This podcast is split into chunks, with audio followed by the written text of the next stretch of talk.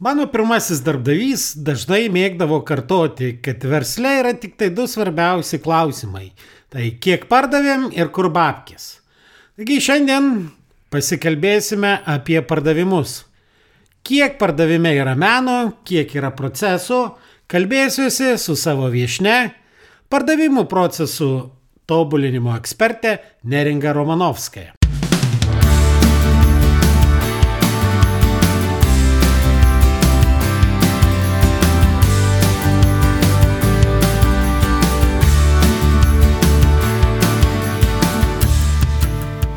Sveiki, jūs klausotės podkasto Nuo amato prie verslo, kuriame tikima, kad verslas turi būti pajamų, pasiekimų ir pasitenkinimo šaltinis, o ne tik kelti stresą ir deginti laiką.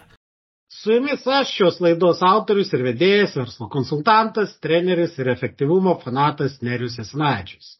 Jūs klausėtės jau 16 tinklalaidės epizodo ir šiandien mes pakalbėsime apie pardavimus – Ir svečiuose turiu ilgametę savo kolegę, daug dirbom ir tikrai, aš manau, kalbant apie pardavimą, pardavimų sisteminimą, pardavimų proceso valdymą, vieną kiečiausių eksperčių Lietuvoje, galbūt net ne vieną kiečiausią, o pačią kiečiausią pardavimo proceso valdymo ekspertę Lietuvoje, Neringa Romanovskaja. Neringa, prisistatyk trumpai savo istoriją, kodėl tu vat, nusprendė, kodėl ir kiek jau metų įsiminėjai pardavimo procesais. Neriau, labas, labai malonu dalyvauti tavo laidoje, tavo podkastuose po tokio pristatymo, kad jau kieta, tai aš čia nežinau, kokį epitetą galima be panaudoti.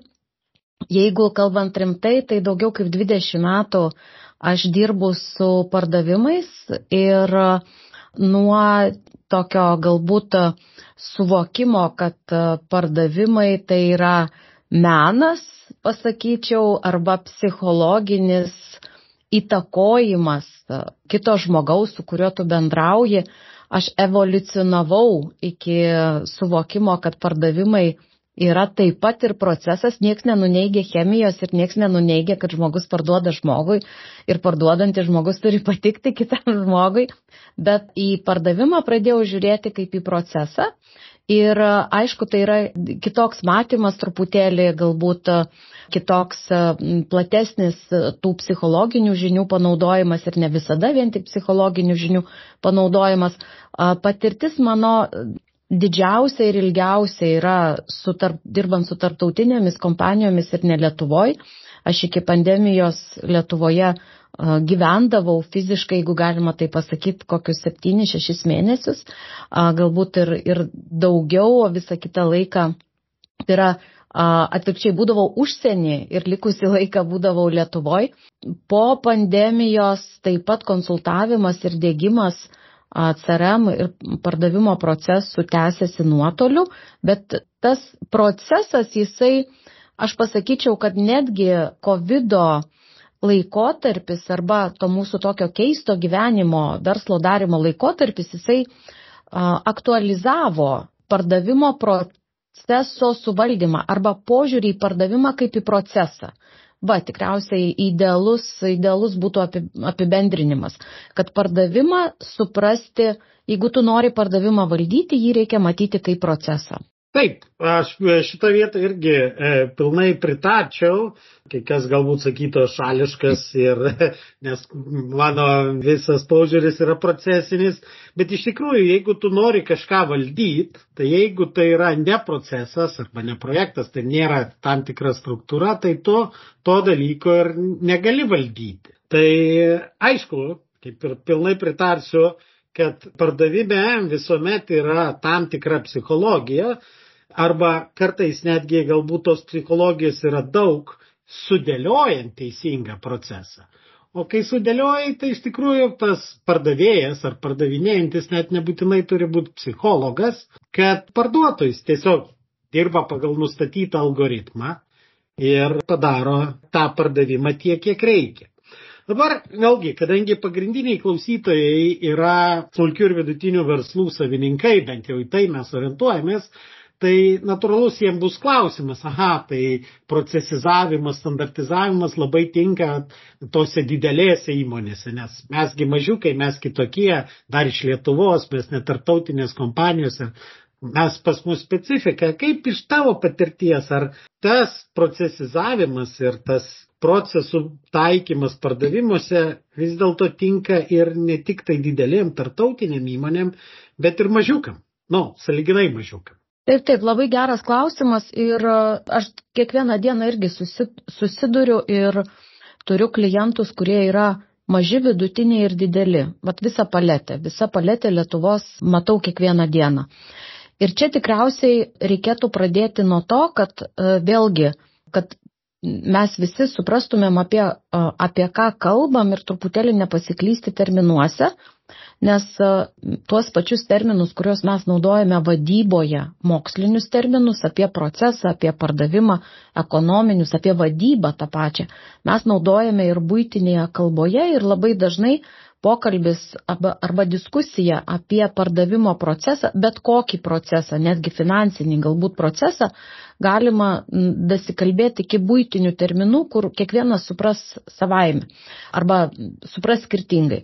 Tai su pirma, norėčiau dabar, kad susitartumėm dėl tokio dalyko, kad e, pilnas kompleksinis pardavimo procesas kuris egzistuoja gamtoje, ekonomika vėlgi gamtos, mes kaip gamtos vaikai sukūrę esam tą tokį procesą, tai susideda iš kelių tokių dedamųjų arba kelių kaip lego modulių, kaladėlių. Aš kalbėsiu vėlgi ganėtinai paprastai ir aiškiai neapkraudama visko sudėtingomis detalėmis. Tai būtų tas aktyvus pardavimas lydų generavimas, kur mes ieškome klientų ten, kur dar jų neturėjome. Dažnai smulkus verslas, Lietuvos vidutinis verslas netgi tai vadina eksportu. Mums reikia eksportuoti ir tą terminą eksportas, eksportas jie suvokia kaip naujų klientų paieška svetimoji valstybei, kur jie anksčiau nebuvo, kur jie savo produkcijos ar paslaugų nepardavinėjo. Tai čia vienas modulis toksai prie šito, kai mes suradom, užkab, užkabinome, sudominome, panaudokim taip, sudominome svetimą klientą, svetimą nebūsų naują klientą, prasideda pardavimo procesas. Vėlgi, pardavimo procesas, kuris yra dalis to didžiojo pardavimo proceso, kurį mes vadiname kaip procesas. Čia atsiprašau, kad naudoju dabar tą patį terminą, bet tai yra gabaliukas tik tai to didžiojo proceso, kur mes realiai tą sudomintą klientą turėtumėm užklausinti. Vėl terminas, anglicizmas, bet na, mes turėtumėm prieiti prie rezultato, kur klientas sutiko pirkti. Yra sutartis ir yra užsakymas. Taip, jeigu kalbėtumėm apie gamybą arba apie ten jau prasideda logistika, atvežimas arba dėgymas kažko tai. Tada yra klientų aptarnavimas, kur mes aptarnaujame tą klientą. Vėlgi, kartais tas, ta, šita proceso dalis, jinai negyvena, kabutėse, negyvena CRM, e, negyvena pardavimo procese, jinai, gyvena, jinai gali vadintis gamyba, gali vadintis logistika, dar kažkaip gali vadintis, bet realiai mes vis tiek turim santyki su klientu, mes su juo bendraujame, dirbame, mes aptarnaujame, galų gale aptarnavome, pasibaigė tas dylas, vienas dylas, kuris konkrečiai buvo sutartas, ką mes toliau darom, mes jį turėtumėm irgi toliau galbūt aptarnauti, priminti, gal galime grįžti su pasiūlymais, su naujom prekiam ir taip toliau. Ir tas visas ratas turėtų apsisukti, kad tas esamas klientas mums vėl turėtų nešti naują užsakymą, grįžti piltuvėlio pradžią į pardavimų proceso pradžią. Ir mes iš tų viso tą pardavimo procesą mes vadinam, kad tai yra toks, sakykime, mišinys arba keletas moduliukų, kur aš dar pasikartosiu apibendrindama, kad yra naujo kliento radimas, sudominimas, tada yra pardavimo procesas, kur mes įrodinėjam vertę, pristatom produktą yra dėgymas, pardavimas, aptarnavimas to kliento ir paskui mes turėtumėm vėl pas tą klientą grįžti su kroselu, su, su apselu ir, ir taip toliau. Tai visą tai mes vadinam pardavimo procesu ir dabar, kai neriau klausiai, o dabar smulkus ir vidutinis verslas. Visų pirma, arba antra jau, šitas pilnas pardavimo procesas jis yra brangus. kad jį padaryti gerai, kokybiškai ir efektyviai, tai reikia arba labai protingo pardavėjo, arba gerų įrankių, arba tas pardavėjas turi visą laiką būti užimtas. Ir kai mes kalbam apie nedidelę, nu, smulkę arba vidutinę įmonę, tai yra labai svarbu suprasti, kad mes tikriausiai neturime to pilno pardavimo proceso pas save. Mes turime tik vieną iš šitų modulių. Ir jeigu kalbant, ką aš matau lietuviškose įmonėse, tai dažniausiai tos įmonės, na, sakykime, savininko vadovo asmenyje, jos sąmoningai vengia turėti pardavimus, nes pardavimai yra brangus. Par, geras pardavimas, jisai brangiai kainuoja, nereikia turėti iliuzijų. Jeigu mes sakom, kad savininkas pats yra žmogus pagrindinis, kuris pardavinėja, tai tada mes nekalbam apie pardavimo procesą. Tai reiškia, tas žmogus, jisai pats savo pasirinko tokią rolę. Jam patinka bendrauti, jam patinka pardavinėti ir jis pasirinko pardavimo meno kelią. Jis tai atlieka gerai, jam tai patinka. Nes mes galim sutikti vadovų, kuriem patinka gamyba ir jie koncentruojasi į gamybą labai. Kitiem patinka tiekimas, jie, jie sėdė ant žaliavų pirkimo, tai iš tikrųjų su uh, pilnu tokiu pardavimo procesu mažose įmonėse nėra ką kalbėti ir nereikia tikriausiai kalbėti, nes kitą kartą vidutinės įmonės, jos būna sėkmingos ne todėl, kad turi gerus pardavimus. Aš čia gal eretiškas mintis tokias dabar paskleisiu, bet vidutinės ir smulkios įmonės būna sėkmingos tada, kai jos suranda labai gerą vietą verslo ekosistemui, kai jos turi įsikorporavus, kai jos yra įsikorporavusios į tam tikrus tinklus, kurios turi gerus santykius su tiekėjais, su užsakovais, kurios daro dalį užsakymo, kurios dalį daro prie, prie produkto tiekia paslaugą. Prie paslaugos tiekia produktą, yra, e, yra kažkokios ekosistemos verslo dalis, kur ne visada to pardavimo reikia, nes turi nedidelius gamybinius pajėgumus ir labai prisipardavę neįvykdys tų, tų įsipareigojimų, kur nelabai gali pardavinėti, nes yra tos vėlgi grįšių ekosistemos dalis. Tai aš kalbėdama apie pardavimų svarbą smulkioj arba vidutiniai įmoniai, visų pirma, sakyčiau, taip reikia labai aiškiai suvokti, koks modulis pas tave yra tas core. Core modulis, pagrindinis modulis, kietas moduliukas, kuris tau atlieka pardavimų rolę, pardavimų vaidmenį. Dažniausiai nebūna lydų, pas juos nebūna to aktyvaus, aktyvaus pardavimo dalies labai dažnai nes jie yra tokioj sistemoj, kur jos feedina, jos maitina užsakymais. Jie turi tuos užsakymus. Jo, vat aš dar tiesiog noriu įsiterpt pakomentuoti. Iš tikrųjų, ir ką mes matom dirbdami su įmonėmis, aš ką girdžiu, kad iš tikrųjų nėra iškaus įsivaizdavimo arba apsibrėžimo, kas tai yra pardavimai. Daugelis mano, kad vat, net jeigu pasimti supermarkete, tu ateini tą, kur sėdi kasoj pardavėja. Nu, jinaigi realiai nedaro pardavimo tiesioginė, nu, tą pagrindinę prasme, jinai nepritraukia naujo kliento, jinai, jinai jam neparduoda, jinai daro kliento aptarnavimą. Kas irgi yra tam tikra prasme, galima sakyti, pardavimų. Jinai netgi ne klientus aptarnauja, jinai aptarnauja kasos aparatą. Jinai aptarnauja mašiną.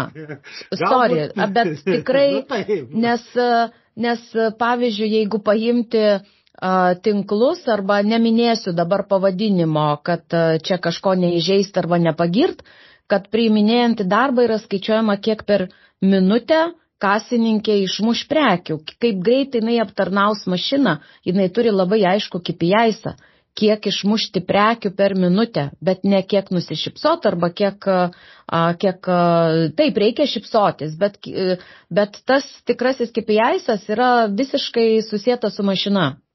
Bet daugeliu atrodo, kad tai irgi ir tam tikra prasme, teisingai atrodo, kad tai yra tam tikra prasme kažkiek irgi pardavimų procesų dalis. Arba, vat, jeigu tai pasižiūrėt, aš tai galbūt netgi to nevadinčiau pardavimu, tų potencialių klientų, tų lycų suradimas. Čia jau daugiau galima vadinti rinkodara, kad tai yra daugiau marketingo dalis, bet irgi, jeigu tai galutiniam rezultatė tikslas yra užtikrinti, nu, surasti, kam parduoti. Tai irgi yra pardavimų proceso dalis, tas pats apselinimas. Ar čia yra, arba esamam klientui paskambinti, primint, žiūrėkit, jūs jau dvi savaitės ar ten mėno iš mūsų neužsakinėjat. Tai, tai visada kalbant apie pardavimų procesą, jo gerinimą ir pardavimų didinimą labai svarbu susiprast, o kurioj vietoj pas mus problema. Nes jeigu mes turim pakankamai daug klientų, kuriuos mes galime gerai išnaudoti ir pirmas klausimas visada yra, kai mes irgi išnekam su savo klientais ir sako trūksta pardavimų, tai visada klausim, o esamiem klientam Mes galim dar daugiau parduoti, nes pats paprasčiausias visada pardavimas turimus savo produktus pasiūlyti turimiem klientam. Nes tada mažiausia rizika. Tu jau turi produktą, tu jau mokė su produktu dirbti ir tu tuos klientus pažįsti. Toliau jau jeigu tu nori pasiūlyti naują produktą, esamiem klientam arba savo seną produktą naujiem klientam, jau yra sudėtingiau ir rizikingiau. Na, jau nekalbant apie tai, kad kai tu nori pasiūlyti naują produktą naujiem klientam. Bet tai va šitas iš tikrųjų, ir ką aš manau, kad klausytojams labai svarbu suprast, kad pardavimo procesas labai dažnai pakliūna, po šituo terminu pakliūna labai daug dalykų ir dėl to po to, kalbant apie tai, ką reikia gerinti ir kurioje vietoje čia yra menas ar, ar procesas, kyla nesusipratimų. Taip, visiškai sutinku ir čia tikrai yra labai daug niuansų, nes tai, ką paminėjai, kad esamiem klientam pasiūlyti produktus parduoti papildomai, labai dažnai būna problema ir tai ir statistika netgi įrodo, kuri nu, keistai netgi kitą kartą nuskamba, kad pasirodo nėra naujų produktų, tu negali, tiesiog nėra esamiem klientam ko pasiūlyti, nėra nei naujo produkto, nei paslaugos nes gamybinė įranga nepakeista, nėra jokių a, naujienų, jokių inovacijų ir klientam nėra ko naujo parduoti. Ir tada reikia galvoti, aha, tai tada mes pereinam į pardavimų strategiją, ką mums daryti, mes turim X, žinom, X, turim daug esamų klientų, Y, ką pasiūlyti esamiem klientam. Šita matematinė formulė, jinai pasidaro tokia įdomi, kur reikia išmastyti atsakymą. Reikia sugalvoti, ką su tuo daryti. Dalį aš turiu, dalies neturiu, bet aš galiu turėti, aš noriu turėti rezultatą.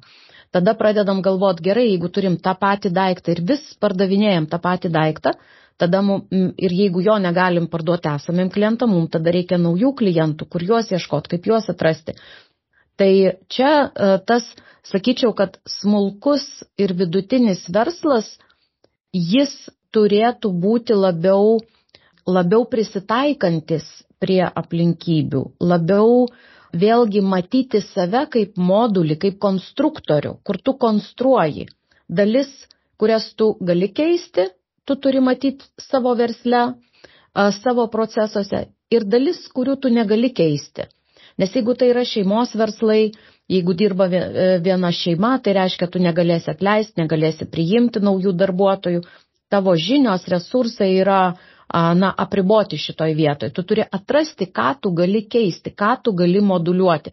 Bet vėlgi, aš grįšiu prie savo to pasakymo, kad smulkus vidutinis verslas sąmoningai stengiasi išvengti pilno pardavimo proceso, kartais jisai tai daro su tuo suvokimu, kad jis, jam yra per brangu turėti visą procesą, kartais jis trūksta žinių, kad turėti visą procesą. Bet realiai tai nėra blogai. Tai nėra blogai, nes ne visiems verslams reikia turėti visą tą procesą. Ir aš vėlgi pasikartosiu, kad jeigu uh, verslo vadovai suvokia, koks tas moduliukas yra pagrindinis, Ir jeigu jį gali į rinką pasiūlyti, jeigu jį gali at, atlikti, padaryti kokybiškai greitai, tai tikrai tai gali būti superinis sprendimas. Bet tikrai reikia pasižiūrėti save, kokius, ko, kokią dalį to pardavimo proceso man e, reikia atlikti. Man reikia atlikti. Taip, iš tikrųjų labai dažnai mes matom, kad žmonės puola gerintis arba nu, ieško, kaip pasigerinti savo pardavimo procesą, nors iki galo savo nėra atsakę, o tai iš tikrųjų kurioj vietoj, vad kuri pardavimų proceso dalis pas mane yra silpna. Ir galbūt man visai neblogai gaunasi pardavinėti ir, ir tų klientų yra, bet mano, tam, sakykime, kliento aptarnavimas dirba taip, kad po to klientai pabėga arba nebenori iš manęs pirkti ne todėl, kad produktas kiek blogas, o tiesiog serviso neduodam ar dar kažką. Na, iš kitos pusės, ten būna kartais reikia didinti marketingą, daugiau išlaidų daryti ir panašiai, bet kai pasišneki, pradedi žiūrėti, tai pas juos tų užklausų yra pakankamai, tiesiog jie nesugeba laiku pateikti. Apdorot, paskaičiuoti. Taip. Aš visada taip, taip. pasakoju, kad vienai, nu, iš savo patirties, kad pagrindinė priežastis, dėl ko kažkada mūsų kompanija TC sprendimai išėjo iš tada dar iš Omnitelio į Tele2, tai tikrai ne dėl kainų, o tiesiog kai suėjo abonementinio to, nu, to sutarties pabaiga, Omnitelis, nepaisant mūsų, ten, mano asmeniškai du kartus skambinta ir administratorė skambino gal tris kartus, jie taip ir nesugebėjo pateikti pasiūlymo. Paprasto elementaraus pasiūlymo, taip sakant, mm. sutarties pratesimui. Tai apie kokį marketingą mes čia šnekam? Čia marketingas situacijos visiškai nepagerintų, jeigu jie net nesu, jie nesugeba pateikti pasiūlymą. Taip, taip iš tikrųjų, bet jeigu mes kalbam vėl apie tą smulkų ir vidutinį verslą, tai čia, kur jeigu yra dideli verslai tokie kaip Omnitelis, tada jau pavadinimo tokio net nebėra. Tai tokio, tokio dydžio įmonėse pardavimas ten tikrai yra atskirtas nuo aptarnavimo ir čia tave nu, blogai aptarnavo kaip esama klientą, nepateikė pasiūlymo, nes tu buvai ten jau klientas, neatnaujino, nesužiūrėjo, nepasirūpino. Ir ten, kur įmonės yra didelės, tie procesai viduri, viduj pardavimo procesai yra atskirti ir netgi vadinasi atskirai. Taip. Ir marketingo skyrius iš tikrųjų yra tas e, skaitmeninė rinkodara, e-rinkodara vadinama, kur realiai e, žmonės e, vėl su skirtingom kvalifikacijom generuoja tuos lydus ir veikia su socialiniais tinklais ir su kitokiais mechanizmais. Bet kai mes kalbam apie įmonę smulkę ir vidutinę, tai mes čia su nerim sąmoningai dabar vadinam, kad tiek marketingas, na, sakykime, nuvažiuoti parodą gamybiniai įmoniai ir tai realiai moksliškai tai vadintųsi marketingo veiksmas dalyvavimas parodoje, bet kai ten nuvažiuoja 70 procentų visų įmonės darbuotojų, jie tuo metu stovėdami parodoje atlieka pardavimą. Tai yra ir marketingas, ir pardavimas, viskas viename. Tai būtų marketingo veiksmas, kur mes norim pritraukti naujus klientus, Toliau mes pardavinėsim tiem klientam, aptarnausim tie patys žmonės, aptarnaus, galbūt kiti aptarnaus, bet vis tiek tai mes turime matyti, kad tai yra vienas procesas. Nes pardavimo, nes aptarnavimo metu mes galime arba parduoti daugiau, arba nebeparduoti, bus minusinis, mes galim prarasti a, tą klientą. Tai čia reikia labai jautriai į, į, į tą žiūrėti ir reaguoti. Vėl iš kitos pusės, kai yra tos a, mažos ir vidutinės įmonės, Tas pats pardavimas tikriausiai, jeigu dabar pereiti nuo proceso prie uh, meno, bet prie meno, labai dažnai ta uh, menas, tai čia dabar psichologinė dalis, bendravimas, bendravimas su klientais. Ir uh, ką aš pastebėjau vėlgi, kad smulkus ir vidutinis verslas užauginti pardavimus gali geriau suprasdamas esamus klientus. Nes bendravimas su esamais klientais – kainuoja pigiau, kainuoja mažiau negu kad surasti naujus klientus smulkiam vidutiniam verslui. Ir tas bendravimas turėtų būti vėl, ko, kokios, kokio veiksmo trūksta, pardaviminio veiksmo. Tai yra, e, aš pastebėjau, kad e, aptarnaujantis personalas ir kartais tai būna pats vadovas, pats savininkas, kuris tai bendrauja su esamais klientais, Su tais vadinamais key accountais, su vedančiais, su vipiniais klientais bendrauja vadovas. Tai yra nemokėjimas išklausti, nemokėjimas paklausti, susižinoti, kaip pasikeitė esamų klientų poreikiai, kur juda esamas klientas. Yra kalbama apie viską, išskyrus tik tai, ko tam klientui reikėtų. Ir tada prasideda va tas pokytis rinkoje, mano kaip smulkaus vidutinio verslo gali įvykti labai pigiai, jeigu aš susižinau, ko reikia mano klientui. Taip, atsakymas man ne visai patinka, nes jam reikia to, ko aš neturiu dabar. Bet ar aš galiu tai surasti, ar aš galiu sukomplektuoti papildomą pasiūlymą, ar aš galiu padaryti kitaip, ar aš galiu pakeisti medžiagas, ar aš galiu pakeisti dizainą, ar aš galiu pakeisti sandėlį, ar aš galiu pakeisti atsargų kiekį, ar aš galiu pakeisti bet ką, kas priklausomai nuo to, kokiam aš esu versle, kad aš patenkinčiau tą savo esamą klientą. Ir prie to, ką aš jau jam pardavinėjau iki dabar ir pardavinėsiu rytoj, nes jam irgi to dar vis reikia, aš pridedu naują paslaugą, naujas prekes, aš praplečiu savo krepšelį, aš modifikuoju savo pasiūlymą esamiems klientams. Tai tas pardavimo procesas, sakyčiau, smulkaus ir vidutinio verslo, jis turėtų būti fokusuotas ne tiek į naujas rinkas kitą kartą, kur būna brangu, Nesupraskit klaidingai, neskau, kad nereikia ieškoti naujų rinkų. Reikia. Bet kitą kartą pigesnis variantas gali būti dirbant su esamais klientais. Arba pakeičiant jau tą, tą veiksmų seką, kurią aš dariau su savo esamais klientais. Va čia būna sėkmės raktas dabar. Nes pokyčiai rinkoje yra didžiuliai, viskas labai pasikeitė ir vis dar keičiasi dėl visokių priežasčių, kurių mes net e, iki galo nesuprantam galbūt nuo klimato karo ir, ir e, pandemijų, lygų ir, ir gyvenimo būdo kaitos ir visa kita, tai tie dalykai tikrai labai įtakoja verslus.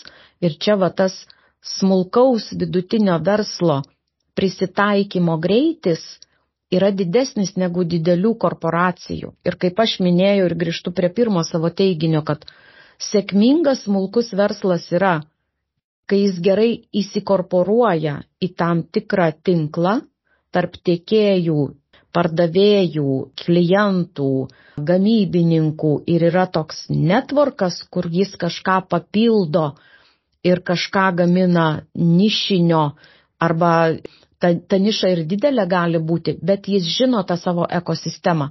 Ta visa ekosistema juda, juda keičiasi ir jeigu jis greičiau gali prisitaikyti negu dideli konkurentai, jis, jis turės tą sėkmę, jis dabar turės tą sėkmę. Kai konkurentai dideli ateis į tą nišą, jis vėl nubėgs kažkur kitur, jis vėl gali atrasti kitą pristaikymą. Tai sakyčiau, kad pardavimo procesas yra, na, vėlgi labai susijęs su gebėjimu padaryti pokytį savo viduje. Pokytį savo viduje. Taip, kai mes kalbam apie konkurencinį, ilgalaikį konkurencinį pranašumą, tai visada sakom, kad konkurencinis pranašumas tai kai tu kažką įmonės viduje darai kitaip negu tavo konkurentai. Nes negali būti konkurencinio pranašumo, jeigu tu darai taip kaip konkurentai. Taip, tu visada turi keistis ir turi būti kitoks. Ir natūralu, kad tas pardavimo procesas, visas pardavimo procesas, įskaitant kliento problemos supratimą, teisingo tinkamo kliento suradimas. Tinkamas klientas yra tas, kuris turi tokią problemą, kurią tu gali įspręsti. Ir jisai matys vertę tavo sprendime. Tai yra tas, ir va ta būtent atradimas savo vietos ekosistemoje, tai ir yra atrasti tuos klientus, kurių problemą tu gali išspręsti. Geriau negu konkurentai. Kadangi tas tinklalaidės formatas yra pakankamai trumpas, tai aš manau, kad davėm klausytojam apie ką pasigalvot. Ir aš visada klausiu savo svečių, vad koks būtų tas vienas dalykas, ką turėtų išklausęs šitą mūsų tink, pasikalbėjimą tinklalaidai, ką klausytojai turėtų imti ir pasidaryti pas save įmonėje, kad pradėti judėti to pardavimo proceso tobulėjimo link. Labai geras klausimas ir aš pasakyčiau tikriausiai taip, kad Vat tavo paskutinė mintis buvo, kad mes kalbėjome apie konkurencinius pranašumus tokius. Tai e, pardavimo procesas, jis būna vienas iš konkurencinių pranašumų, nes būna tavo prekė gali būti konkurencinis pranašumas, paslauga ir trečias, kaip tu tai parduodi. Ir tu gali turėti visiškai pasenusią prekę, kabutėse, taip, jokių išskirtinumų. Tu gali turėti visiškai eilinę paslaugą, bet tavo pardavimo metodas, tavo bendravimas su klientų būdas yra antiek išskirtinis, kad tu šitoje vietoje, tai yra per pardavimą, tu muši visus savo konkurentus. Dabar kaip jį atrasti, tai realiai susikoncentruoti ir atsakyti klausimą, o koks mano tas, tas modulis yra pagrindinis, kokia sąveika su klientu, su kokiais, su naujais, su esamais, ar aš generuoju naujus, ar aš aptarnauju kur. Ir vėlgi, jeigu yra aptarnavimo procesas iš kokių, tai sakykime, trijų veiksmų, tai koksai iš tų trijų veiksmų yra pats kertinis, pats pagrindinis, kuris sukuria didžiausią vertę klientui. Pardavimo metu sukuriama vertė. Atraskit ją ir jisai bus jūsų išskirtinumas. Ilgalaikis išskirtinumas, sėkmės garantas. Net ne produktas, net ne prekė, bet pardavimo procesas. Dėkui tada už išvalgas. Na ir, Neringa, jeigu klausytojai norėtų tavim pasišnekėti, pasikonsultuoti tam tikrų išvalgų dėl kur tas jų pardavimo elementas ir panašiai, kaip jie galėtų tave surasti? Mane galima surasti, yra tinklapis Neringos seminarai. Galima surasti LinkedIn'e, galima surasti Facebook'e, suvedus pavardę. Manau, kad tikrai dabar yra labai daug elektroninių priemonių, takų, kelių ir, ir autostradų, kurios atveda ten, jeigu žmonės ieško. Tai aišku, šitos tinklalaidės, šito epizodo aprašyme aš įdėsiu nuorodas į Neringos e, ir LinkedIn profilį ir į Neringos seminarų puslapį, bet geriausiai Neringa Romanovskaja pasigūglinkit ir tikrai vienintelė neringa Romanovska Google'as jums išmes ir jūs tikrai galėsit pasišnekėti apie tai, kaip reikšmingai pasigerinti savo pardavimo proceso kažkurios iš elementų ar visą, visą pardavimo procesą. Ačiū neringa labai tau už dalyvavimą ir dėkui klausytojam ir iki kitų susigirdėjimų. Ačiū neriau, kad klausai. Dėkoju, kad klausėtės. Ir nepamirškite užsiprenumeruoti šį podcastą, kad visuomet gautumėte informaciją apie naujausias laidas. Taip pat būsiu labai dėkingas, jei įvertinsite šį podcastą palikdami atsiliepimą savo įprastoje podcastų platformoje. O jei pažįstate kažką, kam jūsų nuomonė šis podcastas būtų naudingas, būtinai pasidalinkite. Iki!